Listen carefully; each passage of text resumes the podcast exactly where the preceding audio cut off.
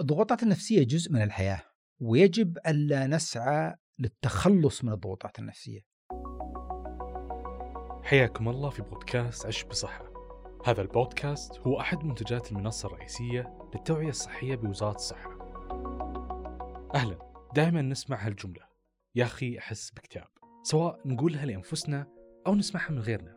على الأغلب أننا نصنف شعورنا بالحزن أو فقدان الشغف بأنه اكتئاب. وحسب ما تقول إحصائية المسح الوطني السعودي للصحة النفسية بأن 6% من السعوديين مصابين باضطراب الاكتئاب الرئيسي واللي يحتل المرتبة الثالثة من قائمة الاضطرابات النفسية الأكثر انتشارا بالسعودية أمانة شيء مخيف إذا الاكتئاب هو المرتبة الثالثة إيش ممكن يكون في المرتبة الأولى؟ وكيف أصلا أعرف إذا أنا شخص مصاب بأحد هذه الاضطرابات النفسية أولا؟ كثير من الأسئلة المهمة جاوبها ضيفي في هذه الحلقة الاستشاري بروفيسور الطب النفسي عبد الله السبيعي أحد القائمين على المسح الوطني السعودي للصحة النفسية. بداية سألت الدكتور عبد الله كيف الشخص يعرف أنه هو مصاب بمرض نفسي أو هل هي حالة مزاجية متقلبة طبيعية؟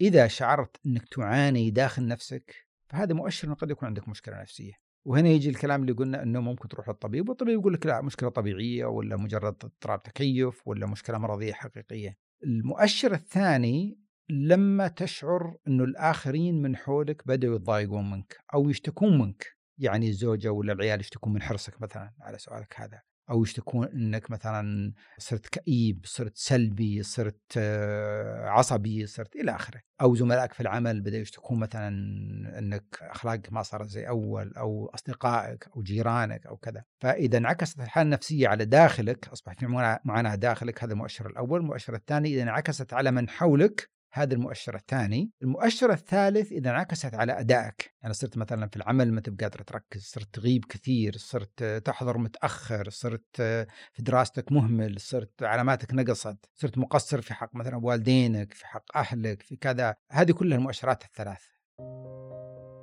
الشعور بالاكتئاب وارد لكن متى أعرف إذا الاكتئاب طبيعي أو كان اكتئاب رئيسي؟ في الحزن الطبيعي وفي الكآبة الطبيعية وهذه تندرج مرة ثانية تحت الرؤوس الأقلام أو الخطوط العريضة اللي قلناها في بداية الكلام أنه إذا كان الاكتئاب هذا أو شعورك بالكآبة أو الحزن ما أثر عليك في حياتك ما أثر على الآخرين من حولك ما أثر على عملك فهو في الحدود الطبيعية لو تجاوز الحدود هذه إنه ضايقك ضايق أهلك ضايق أثر على عملك يبقى خرج من الحدود الطبيعية. لكن قد يكون اضطراب تكيف قد يكون متضايق والله لأنه مثلا في العمل ما ترقيت على سبيل المثال فأنت تضيق صدرك ابو أسبوعين ثلاثة كذا وبعد كذا تتجاوز الموضوع ويمشي الحال. أو إنه آه، يكون حالة مرضية الحالة المرضية اللي يكون تأثيرها على الذات ولا على الآخرين ولا على الأداء تأثير واضح وجلي وما يكون في مسببات ظاهرة عشان ما نقول عليها أنه اضطراب تكيف أو كذا. واحدة من أكثر الأشياء اللي نقع فيها بالاكتئاب هو بحثنا عن المثالية. المثالية بالعمل والأداء والاختيارات وكل شيء من حولنا بالحياة. الاكتئاب ما يبدأ فجأة هو يتدرج من عسر المزاج لمدة وفترة طويلة إلى ما يتحول اكتئاب رئيسي. عسر مزاج ممكن يبقى عسر مزاج ويستمر سنين طويلة بنفس الوضع ما ما ما, ما تسوء الحالة. لكن هذا لا يمنع أنه أيضا ممكن يدخل في اكتئاب شديد مثل ما أنه الإنسان العادي قد ينتقل من وضع طبيعي إلى اكتئاب شديد. الاحتمالات كلها واردة أنه يبقى على نفس الوضع أو أنه يسوء لكن احتمال أنه يقل ولا يخف من نفسه حقيقة احتمال ضعيف لأنه من الأمراض المزمنة. وش الفرق بين عسر المزاج والمزاجية؟ المزاجية ينتقل من الحد الطبيعي إلى أسفل منه وينتقل من الحد الطبيعي إلى أعلى منه. فممكن تلقى ينتقل من مثلا من الضيق إلى الانبساط والفرفشة إلى الضيق بعد شوي ولا بعد يوم ولا كذا. العسر المزاج لا يعني طبيعي فترة قصيرة ثم ينخفض المزاج فترة طويلة. يعني أغلب اليوم يكون مثلا المزاج ما هو بجيد قد يمر ساعتين يكون المزاج فيها زين. أغلب الأيام المزاج سيء لكن قد يمر يوم أو يومين المزاج فيها زين. خلونا نكون صريحين مع بعض. زيادة البحث عن المثالية سببها الأول هو انفتاحنا على العالم في ال social media. بطريقة لا واعية عقولنا تقارن حياتنا بحياة الناس. ناسين أن التفاوت أمر طبيعي وأن اللي نشوفه في ال social media هو الجانب المشرق فقط. موقع وزارة الصحة السعودية يوفر لك اختبار يقيس لك نسبة الاكتئاب من خلال مجموعة أسئلة تجاوب عليها. تقدر تجرب الاختبار من الرابط اللي موجود في صندوق الوصف لهذه الحلقة. ثاني اضطراب ذكرته الإحصائية هو اضطراب فرط الحركة وتشتت الانتباه واللي نسبته 8% والمعروف أن فرط الحركة وتشتت الانتباه عند الأطفال فقط لكن الإحصائية أثبتت أنها أصابت البالغين أيضا كيف يصاب البالغ بفرط الحركة وتشتت الانتباه؟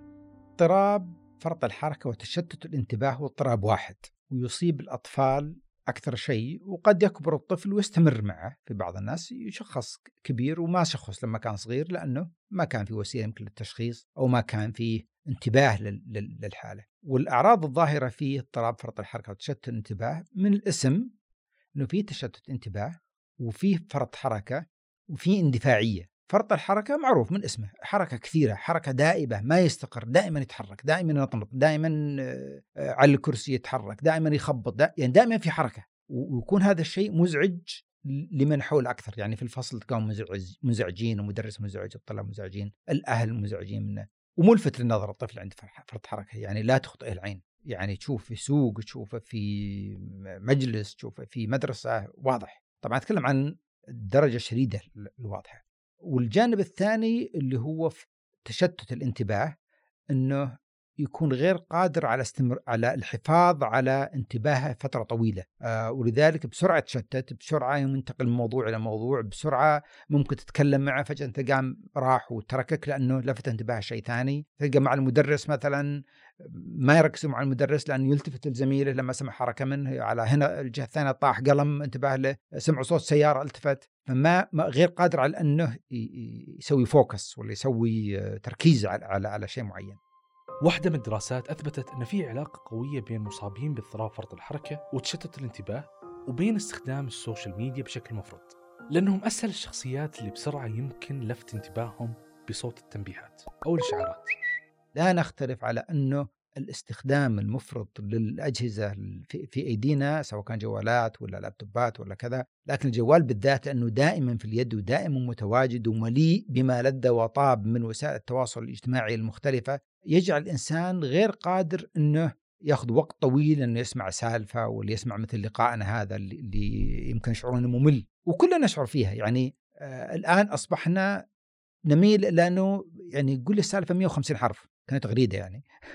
آه، لكن سالفة طويلة ما أتحملها قصة طويلة ما أتحملها. يرسل لك واحد رسالة مثلا في الواتساب ولا كذا طويلة سكيب ما تقراها الشيء القصير هو اللي نقراه.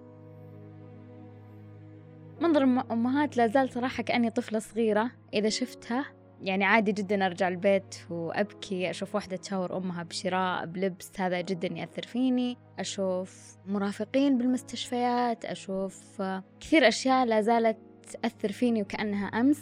فقد مو سهل أي موقف أشوفه يرجعني للورا لازلت في هذه الدوامة. كل ما قلت أنا طلعت منها أكتشف أن الفقد مرة أكبر من أني أتجاوزه. اضطراب قلق الانفصال هو أعلى الاضطرابات انتشارا في المملكة بنسبة 11.9% سألت الدكتور عبد الله وش سبب ظهور هذا الاضطراب كأعلى مرتبة من بين باقي كل الاضطرابات النفسية؟ قلق الانفصال يحدث عند الأطفال أن الطفل يشعر بالقلق الشديد عندما يبتعد عن بيئة البيت ولا أحد أفراد الأسرة مثلا والدين أو كذا. وعادة لما الطفل يكبر يروح منه قلق الانفصال. لكن قلق الانفصال قد يحدث أيضا عند الكبار. يحدث عند الآباء والأمهات على سبيل المثال يحدث عند ولد كبير عند بنت كبيرة يخاف على نفسه أو من حوله. يعني يطلع مثلا الأب بالسيارة تلقى المريض سواء كان الزوجة ولا الأم ولا الأب ولا أحد الأبناء خايف عليه يتصل عليه وصلت طمنا عليك كذا. وأزعم أنه بحكم أن المملكة العربية السعودية ولله الحمد يعني دولة مترامية الأطراف. والناس يسافرون كثير بالسيارة دائما يكون فيه أحد رايح وأحد جاي فهذا يخلق القلق عند كثير من الناس وهذا أزعم أنا شخصيا أنا تفسير الشخصي أنه لذلك يمكن ارتفع مستوى قلق الانفصال عندنا. للنفس علينا حق مثل الجسد بالتمرين والعادات الصحية نقدر نحافظ عليها. وفي لقاء مع الدكتور عبد الله ذكر أهم العادات الصحية اللي تحافظ فيها على نفسيتك دائما وكيف تقدر تتحكم بضغوطاتك النفسية. الضغوطات النفسية جزء من الحياة ويجب ألا نسعى للتخلص من الضغوطات النفسية. لأن الضغوطات النفسية ترى مثلها مثل لما أنت تجري مثلا ولا لما تشيل شيء. أنت تدرب عضلاتك. لما تجري تجري تجري أنت قاعد تدرب عضلات رجلينك فتصير قوي. تقدر تشيل عمرك من الأرض. لما تدرب يدينك تدرب عضلات ظهرك فأنت تدرب نفسك إنك تكون إنسان أقوى وأكثر قدرة على التحمل البدني. نفس الشيء الضغوط اللي تمر في حياتنا وتساهم في بناء النفس. يعني أنا دائما أشبه الإنسان وهذه بالمناسبة ترى من الأشياء اللي جدير أيضا الحديث عنها. إحنا في مجتمعنا الآن بحكم يعني الرخاء اللي الحمد لله نعيش فيه والأمان اللي نعيش فيه نميل كثير إلى رعاية أبنائنا رعاية مبالغ فيها، اهتمام مبالغ فيه، حماية مبالغ فيها، ما يتعلم الطفل إنه يعتمد على نفسه، يعني ممكن تلقى طفل مثلا عمره أربع سنوات ولا تزال أمة تاكله، ممكن تلقى آه، ولد ولا بنت عمره ست سنوات ولا يزال في من يشيل معها الشنطة عشان يدخل المدرسة ويرجعها. لا يزال الطفل مجرد أن يعني يبكي ولا يطلب الشيء يجي له. هذه كلها تؤثر سلبا على شخصية الطفل. ويصبح الطفل مثل نباتات الظل. نباتات الظل اللي في مكان الإضاءة مضبوطة التكييف مضبوط آه، الري مضبوط. هذا النبات لا يمكن أن يعيش في البيئة الطبيعية زين؟